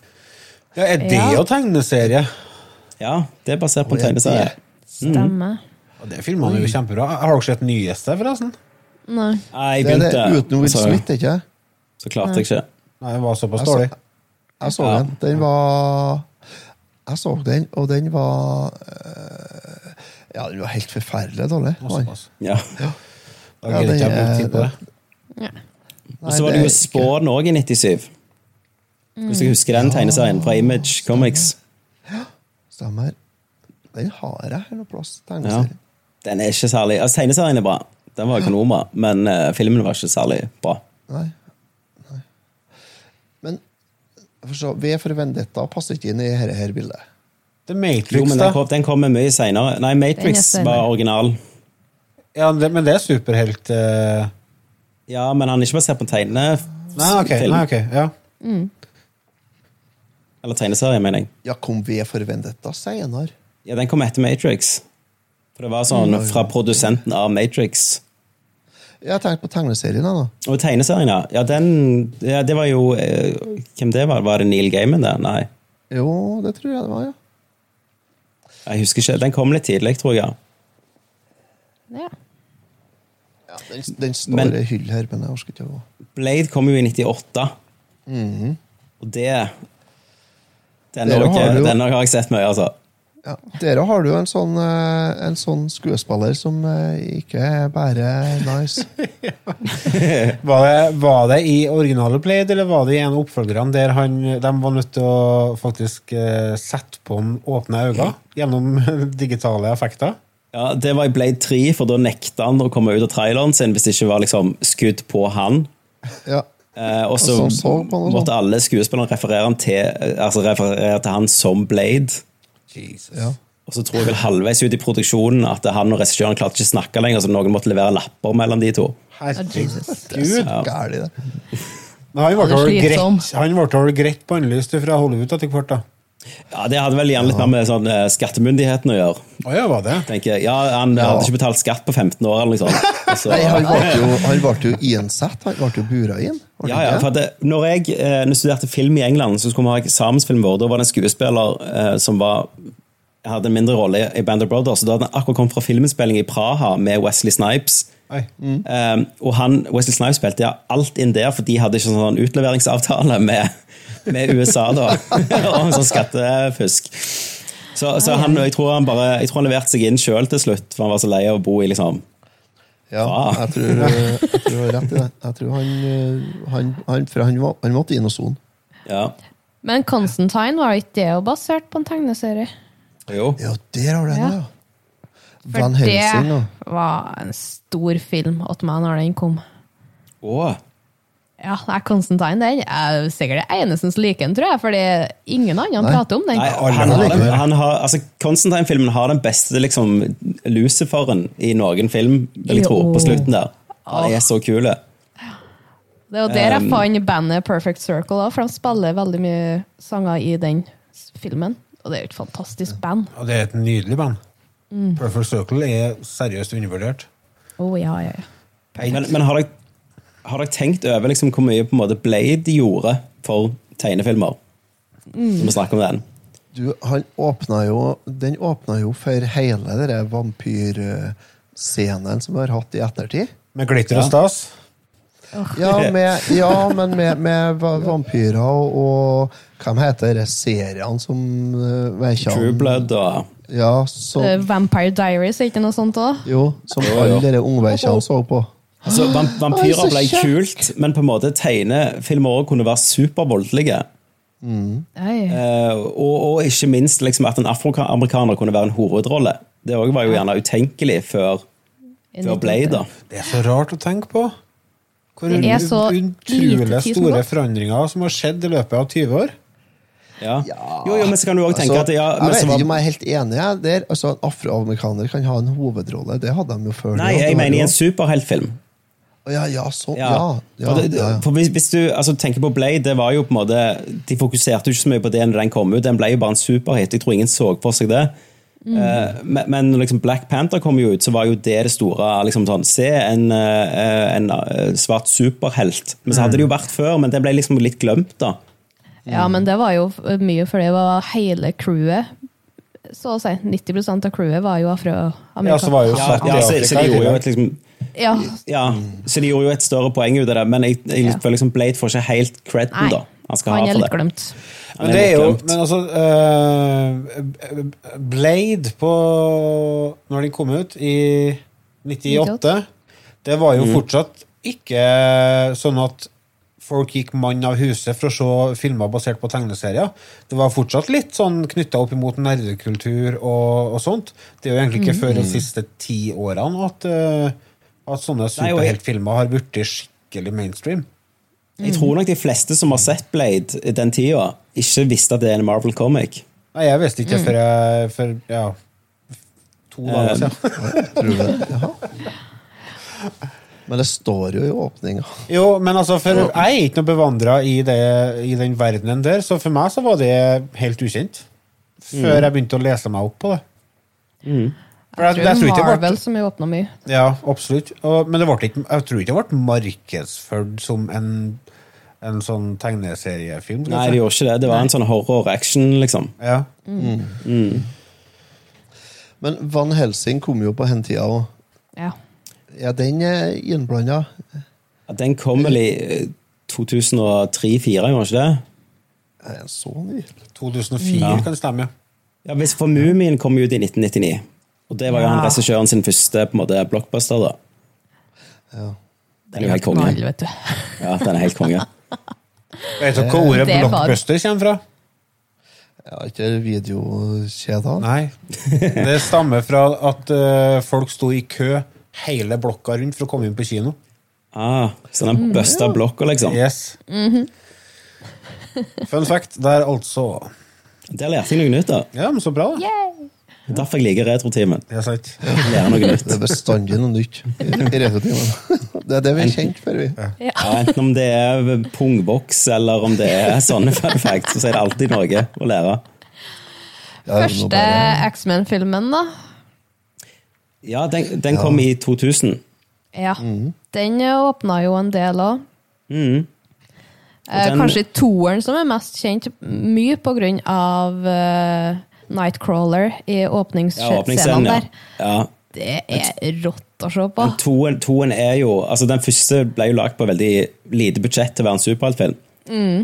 Men den også har en veldig minneverdig åpningsscene med, med Magnito i, Ja. i uh, Auschwitz. Ja. Um, Ja. og, og, og Hugh Jackman, som var ukjent, og ble jo en superstjerne. ja, mm. Han hadde jo hovedrollen i Van Helsing, hadde han ikke? Ja, det Ja, hadde han. det hadde han òg. Ja. Det var en liten, fin overgang der. Ja. Men, men visste dere at han ikke skulle spille uh, Wolverine, egentlig? Han var egentlig ikke påtenkt. Nei, det var han Doug Ray, Doug Ray Scott som er skurken da i Mission Impossible 2. Eh, den beste Mission Impossible-filmen. Han, eh, han skulle egentlig gå videre og spille inn den, men så, må, så måtte de gjøre liksom reshoots, så han klarte ikke å løsrive seg fra den filmen, og da ble Hugh Jackman casta. Ja. Det var Så det kunne vært ganske annerledes. Ja, absolutt. Ja, de slo en gullfugl der, altså, med å få tak i han i stedet. Er jo I den siste Wolverine-filmen Dæven, Dialogen. Den er, ja, den er så bra. Den er sterk, Jackman. Han gjør en Men- helt men fantastisk X-Men- X-Men i 99 den gjorde jo en del av det jeg snakker om fra den tida. Det var at du, du lager en superheltfilm, men du er litt sånn redd for å være superheltfilm. Så istedenfor at folk har sånn fargefulle kostymer, så går alle i sånn svart lær. Ja. Uh, uniformer, da. Det var jo veldig klassisk på den tida. Lateks og skinnjakke. Ja, Ja. De gikk jo bort fra de gule draktene i sånn de originalt har da, i tegneserien. Jeg hadde mye kompiser er som gikk rundt med skinnfrakker. Ja. Det, det gjorde de jo nesten i alle X-Men-filmene, uten gjerne den der First Class som begynte å få Ja. litt farger inn i det. Ja. Og det har jo noe med at det, det, de prøvde å løsrive seg fordi at det ikke var et kjempestort De ville ha utvidet markedet litt, da. Ja, du vil liksom ikke du, du, du, du, du ville ikke at de der tegneserienerdene skulle komme og se på, egentlig. Det var jo mer alle andre de ville ha, mens nå er jo på en måte det omvendt. da. Ja. Nå kan du lage det så sært og Altså, det er ikke Det er jo ikke bredt nok publikum hvis du skal ha bare tegneseriene. Du må jo ta med Du må jo prøve å få med hele verden, liksom. Og det er enklere å selge en svart skinnjakke enn den gule signalgreia i merchandise. Si det til Statens vegvesen. da. Men kan en si det at den X-Men-filmen var liksom det som starta eh, ferden oppover i, i popularitet for eh, superheltfilmer. Den nye bølgen. Den nye bølgen, ja. New Wave. Absolutt. Ja, det var jo det. For, for to år etter den så kom jo gjerne en superheltfilm som, som tok det beste fra på en måte sånn Supermann og, og, og det som kom til å komme, da, det var gjerne de Spiderman-filmene til Sam Raimi. Stemmer. Ja, stemmer det. Med han uh, Løken som uh, Spiderman. Løken. Så, Han spiller, jeg syns han gjorde en bra rolle som Spiderman. Han var sånn, han var en sånn eh, Det som var så bra med han, han var jo at han var en sånn En karakter som det gikk an å identifisere seg med. da mm. Og det er jo veldig mye av appellen med Spiderman òg, da. Ja, det er det. Han er liksom, hans problemer er, er jo Ja, er sånn ikke bare redde verden, men det er liksom sånn levere leksene. Ja, ungdomsproblematikk. Det er faktisk Det jeg liker egentlig bedre med nå når Marvel har fått tilbake Spiderman under sin vinge, eh, han nyen, skal jeg si. For i mitt hode har Spiderman bestandig vært en gutt som går på high school, helt normal, han bare bytter av en edderkopp og er magisk. Ja. Jeg føler det er gått litt mer tilbake til det at han er en ung gutt, og det er en ung skuespiller i stedet for. For Ja. de tidligere Spiderman, føler jeg han er litt for gammel til Ja, og rollen ha- sin. Altså, Toby Maguire var jo 25 år når de begynte å spille inn Ja, den. og sant? skal være 15 år, liksom. Vi ser. Det, eh, det blir litt feil. Ja, Det elsker jeg med den nye. ja, Og og, så er han han så livlig og god, han Ja. som har rollen i. og, det, og det er et godt poeng, for at uh, Toby Maguire var en bra Peter Parker. Ja. Jeg syns ikke han var Mm. så bra Spiderman, for Spiderman skal liksom snakke hull i hodet på deg da, mens han slåss Ja. med deg. Det er liksom, det er trikset hans. Ja. Og det, og det han klarer de er- nye. Han klarer gullet, det, vet du. Ja, det er helt konge. Nei, så det er utrolig mye bra som har kommet. Mhm. Hva ble det etter X-Men? Nei, altså, da var det jo Spiderman som var den Mm. store. Uh, Da kom det fire stykker, var det? ja, eller det, nei, det kom iallfall tre i den Sam Det var tre Raimi-trilogien. som kom. Ja, Mm. ja. Spiderman 2 er jo gjerne sett på som den beste. Og ikke, ikke Doc nummer tre. Ock. Nei, ikke, nei. Er, Ja, det med han med alle de armene, det. ja, Doc Ja. Ock. Ja. Men, men det kom jo en annen tegnefilm i 2002 som gjerne ikke fel- flokk, øh, flokk. Folk flest vet det er en tegneseriefilm, men det er den der Road to Perdition, hvis dere har sett den, med Tom Hanks og Paul Newman. Den mafiafilmen. Den har jeg sett. Var det jo tegnefilm? Eller Det var basert på en, øh, en tegneserie. Ser du det? Så, Det er så mye som ikke jeg var klar over at var basert på tegneserier. Det dukker opp sånne ting som hele tida, liksom. Sin City, når det kom den? Å, det er bra film!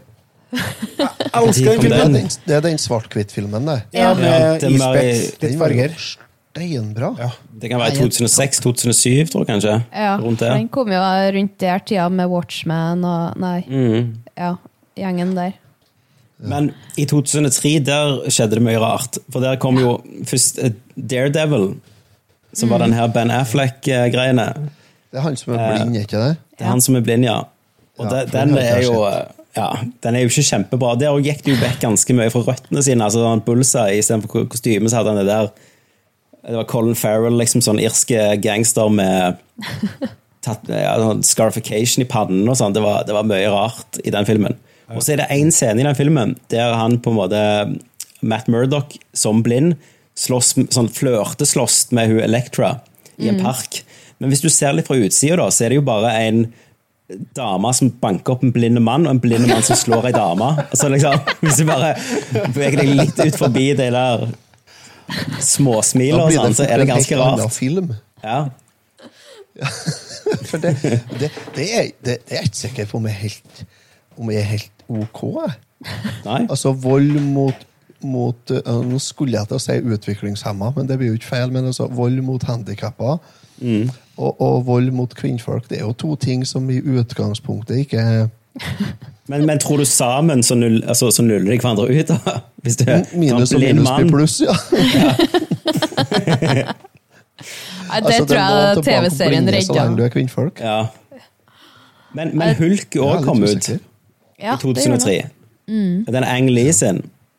Og den, den eh, tok jo iallfall å omfavne som tegneserierøttene. Som bare med Altså Overgangene var jo bare sånn tegnestriper, liksom. Det var kanonrart.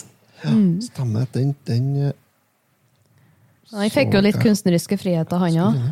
Ja, han fikk gan, ganske mye.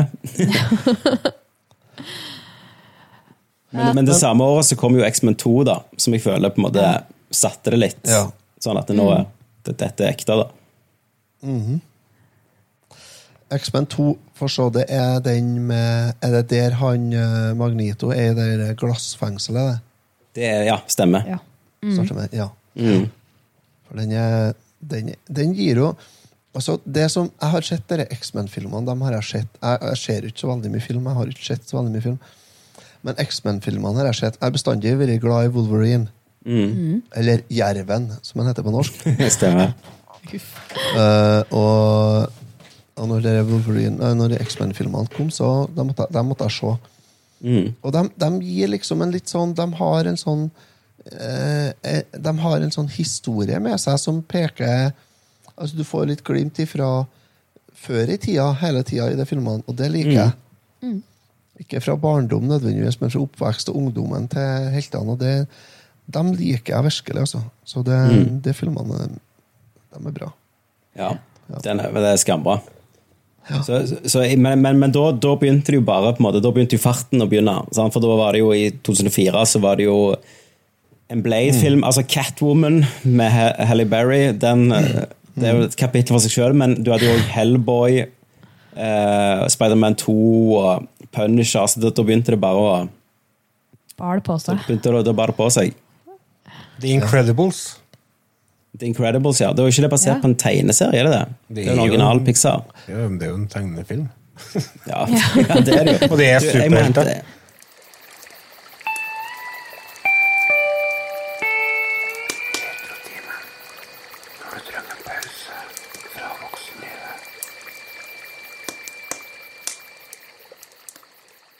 Vi eh, hatt Ferdig med det. Ja, vi er ferdig med det. Vi har hatt en liten pause, skjønner dere, kjære lyttere. Så i stedet for å gidde å begynne å passe for å få til en naturlig overgang her, så bare innrømmer vi at vi har hatt lite fem minutter, og så fortsetter vi som før. Ferdig med Incredibles. Er vi. Vi er ferdig med dem. Det var da ikke en tegnefilm som var basert på en tegneserie, det var bare en tegnefilm.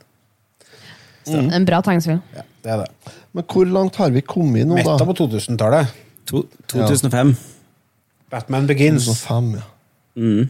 Batman Begins, ja. Og Konstantin. Ja, kom han. Konstantin, ja. Det kom. Herregud, er det så gammel, den filmen der òg? gammel 2005 var i fjor. Ja. Ida. Hæ? Må ta det sammen.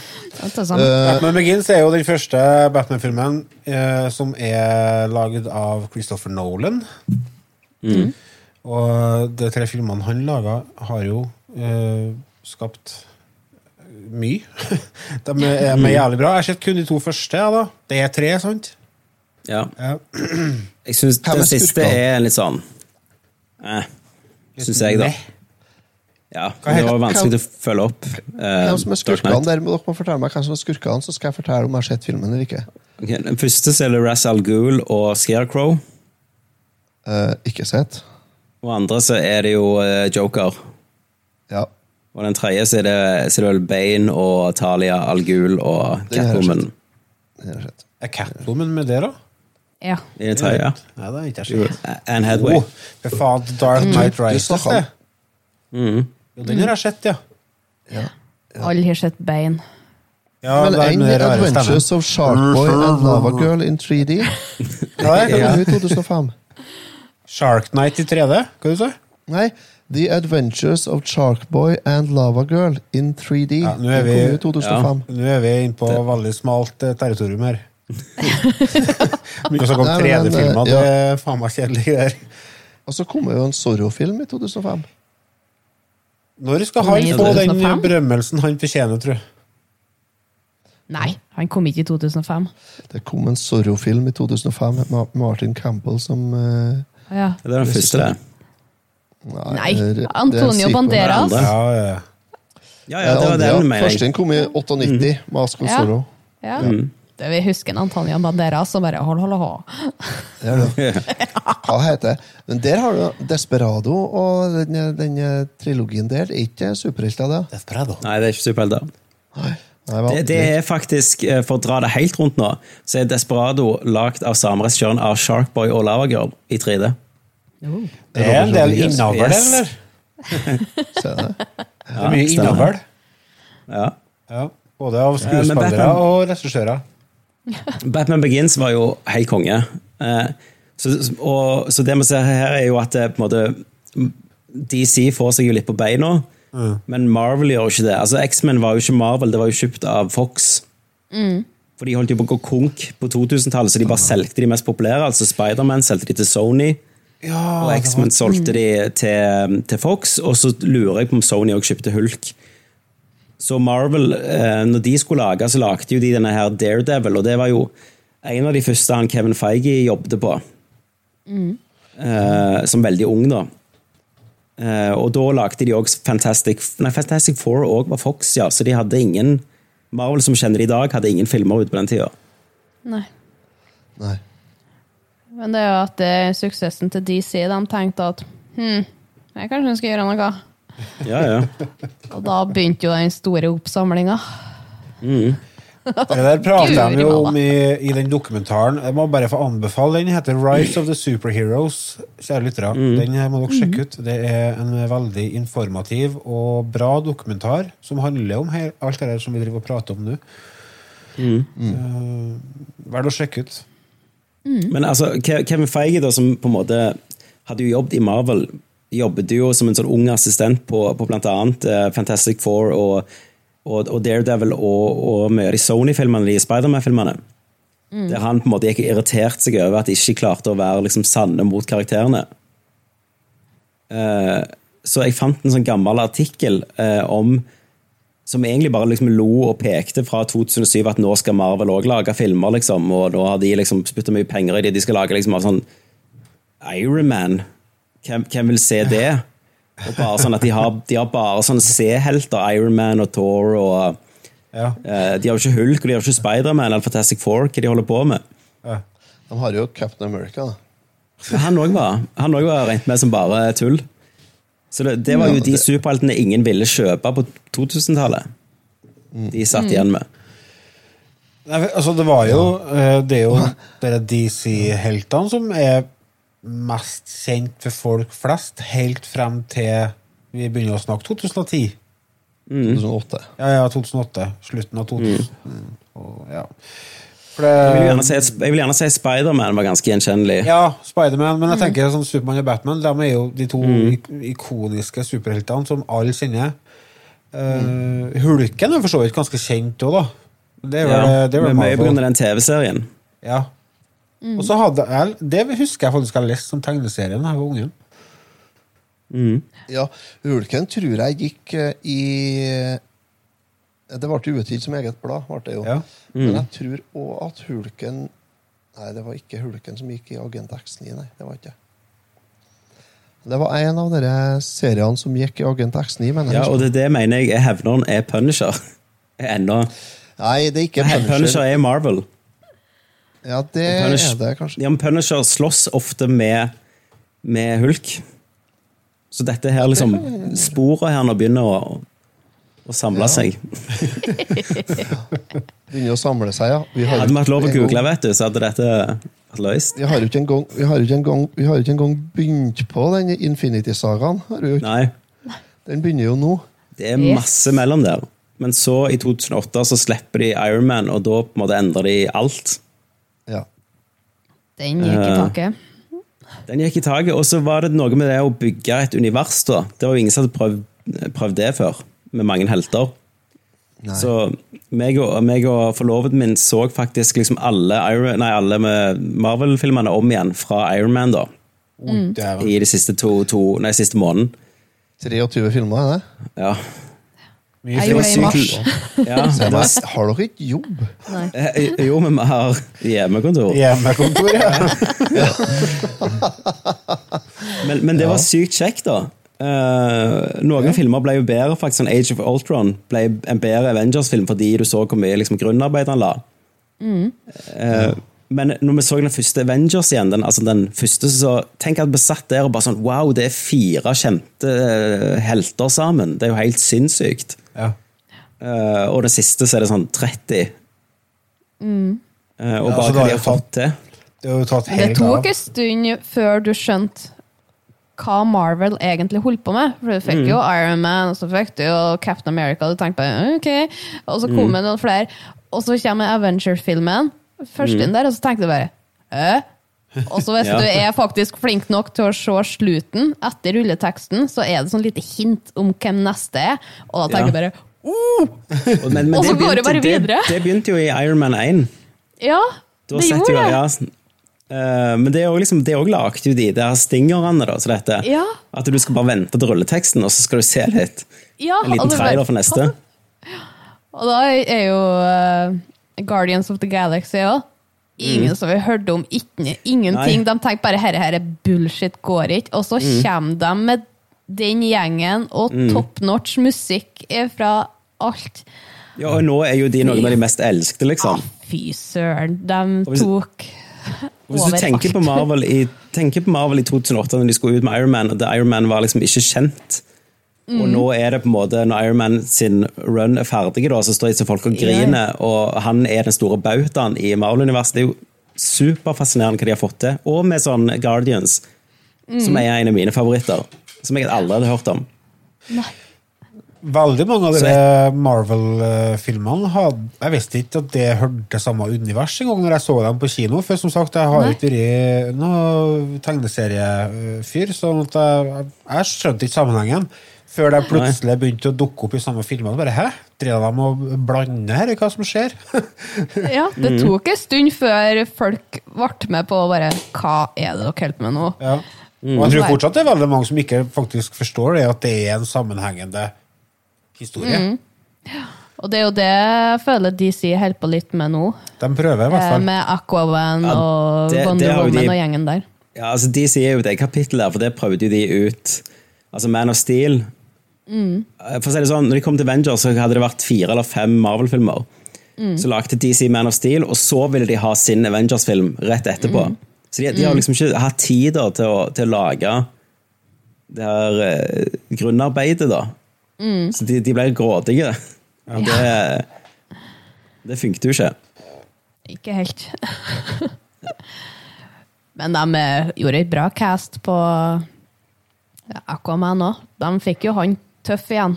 Fordi Ja, ja. Den filmen var jeg utrolig skeptisk på. Men eh, jeg var ikke, Den var jeg ikke så på kino, men jeg så den hjemme, og jeg bare Jeg var så skeptisk. Hvordan skal de få denne vannfyren til å bli interessant å se på? Men de fikk til det, altså. Jason Baboa Mm. er Ja, han er top badass. notch å se på! Altså. Ida syns han er lett å se på. Han er lett å se på. Han var ikke ferdig tenker- Game of Thrones heller. Men Nei, det var han ikke. Men, men jeg tenker jo eh, DC får det jo litt mer til når de prøver Når de bare lager sånne enkeltfilmer. ja, de er flinkere på det. Eh, men det ble jo mer sånn eh, DC følte jeg en stund var likere på serier, var det jeg tenkte. Og Marvel var best på film.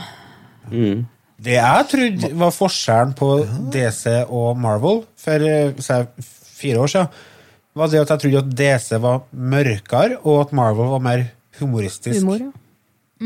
Fordi at eh, Marvel-filmene jeg visste om, var så mye mer fargerik, og, og DC-filmene var mye mørkere i tonen. ja.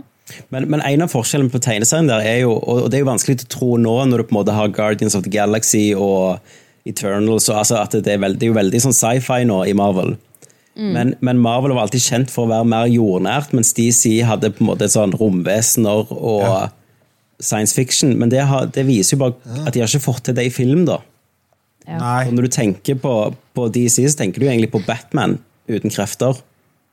Ja. Og gjerne Supermann, men du tenker ikke på denne her eh, sinnssyke sånn, kosmiske universet de har i tegneserien. Nei, det tenker jeg ikke så hardt over. For det er ganske mye rare sånn Det, er- det er mye karakterer her, egentlig. Det er mye Altså, karakterer. skal jo Tegne, tegneseriekarakterer. Ja, altså, det, det er Det er dem som har laga alle karakterene. Det er mye det samme folket som dem som lager navn til Ikea-møbler. Jeg tror det, altså. Du har jo Gule stråler og Grønne Lykt og Maurmannen og Ja, da, da tenker du på oversettelsene, da.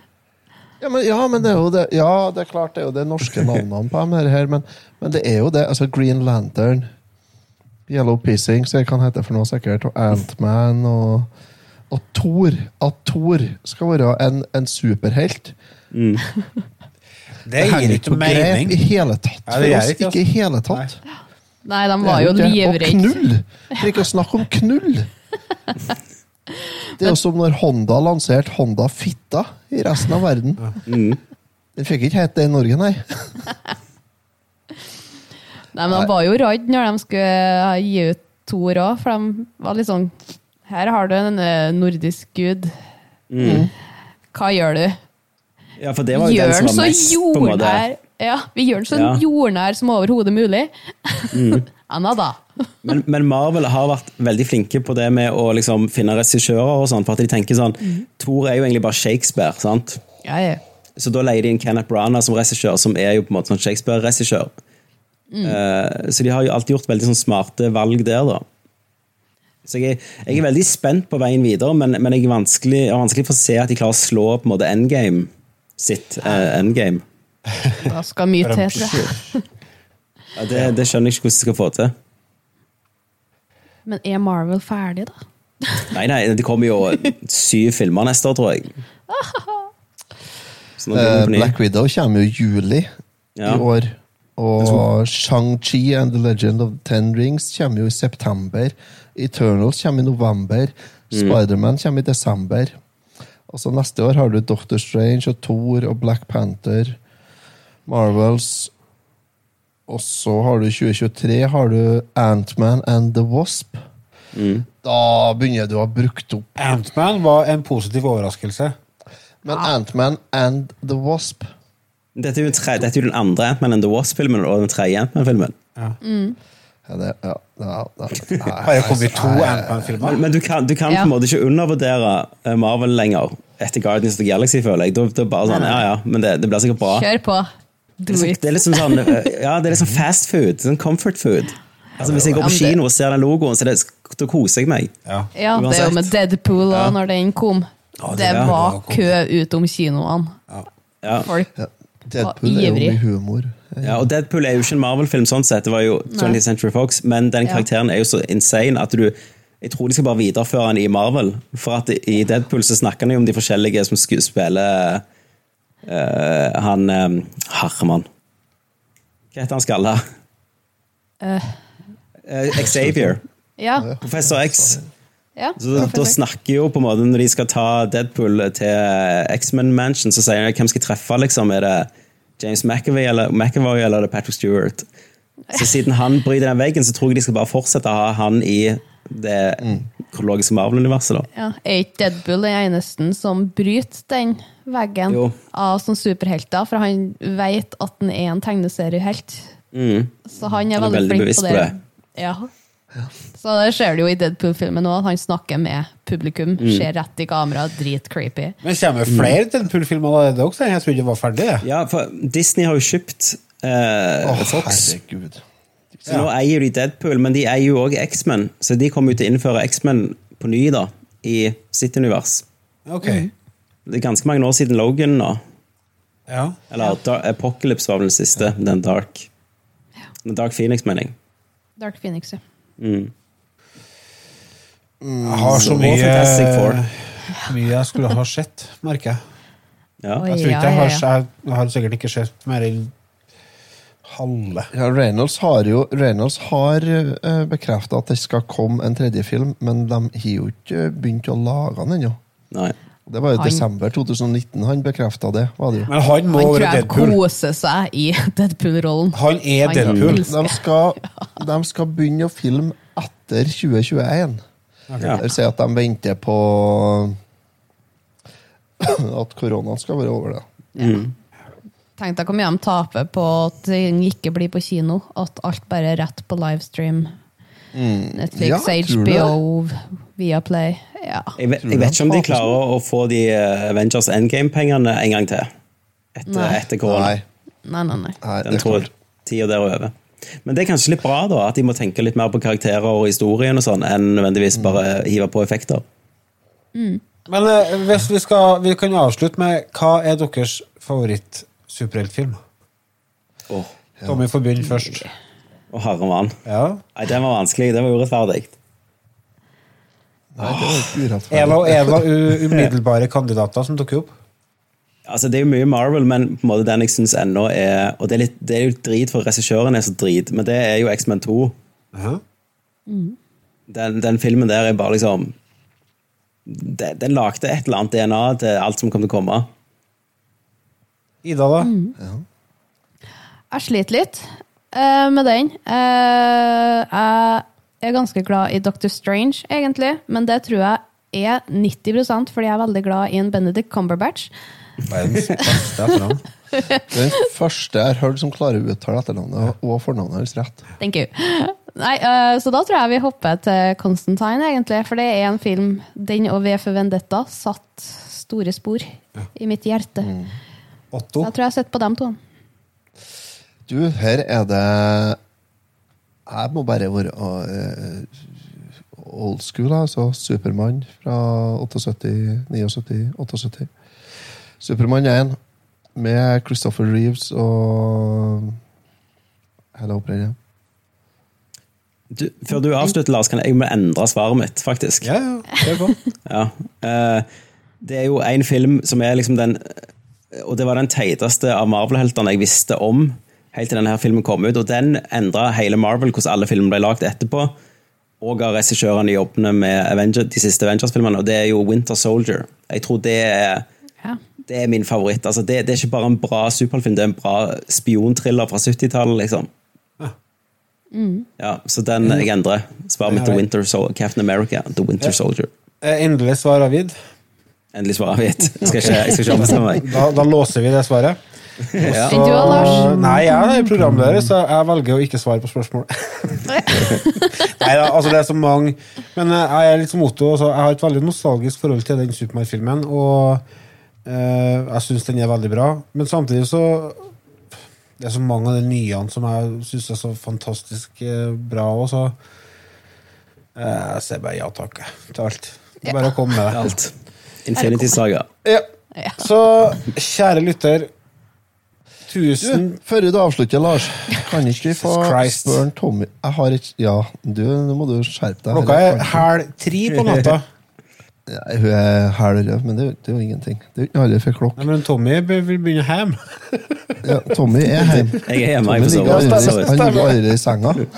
Ja, Jeg, jeg har en Jeg har saksa en uh, artikkel fra Aftenposten her. En sånn uh, Ja. utklipp fra Aftenposten her ifra Du var 18 år gammel på, på ferie i Oslo. Husker du det?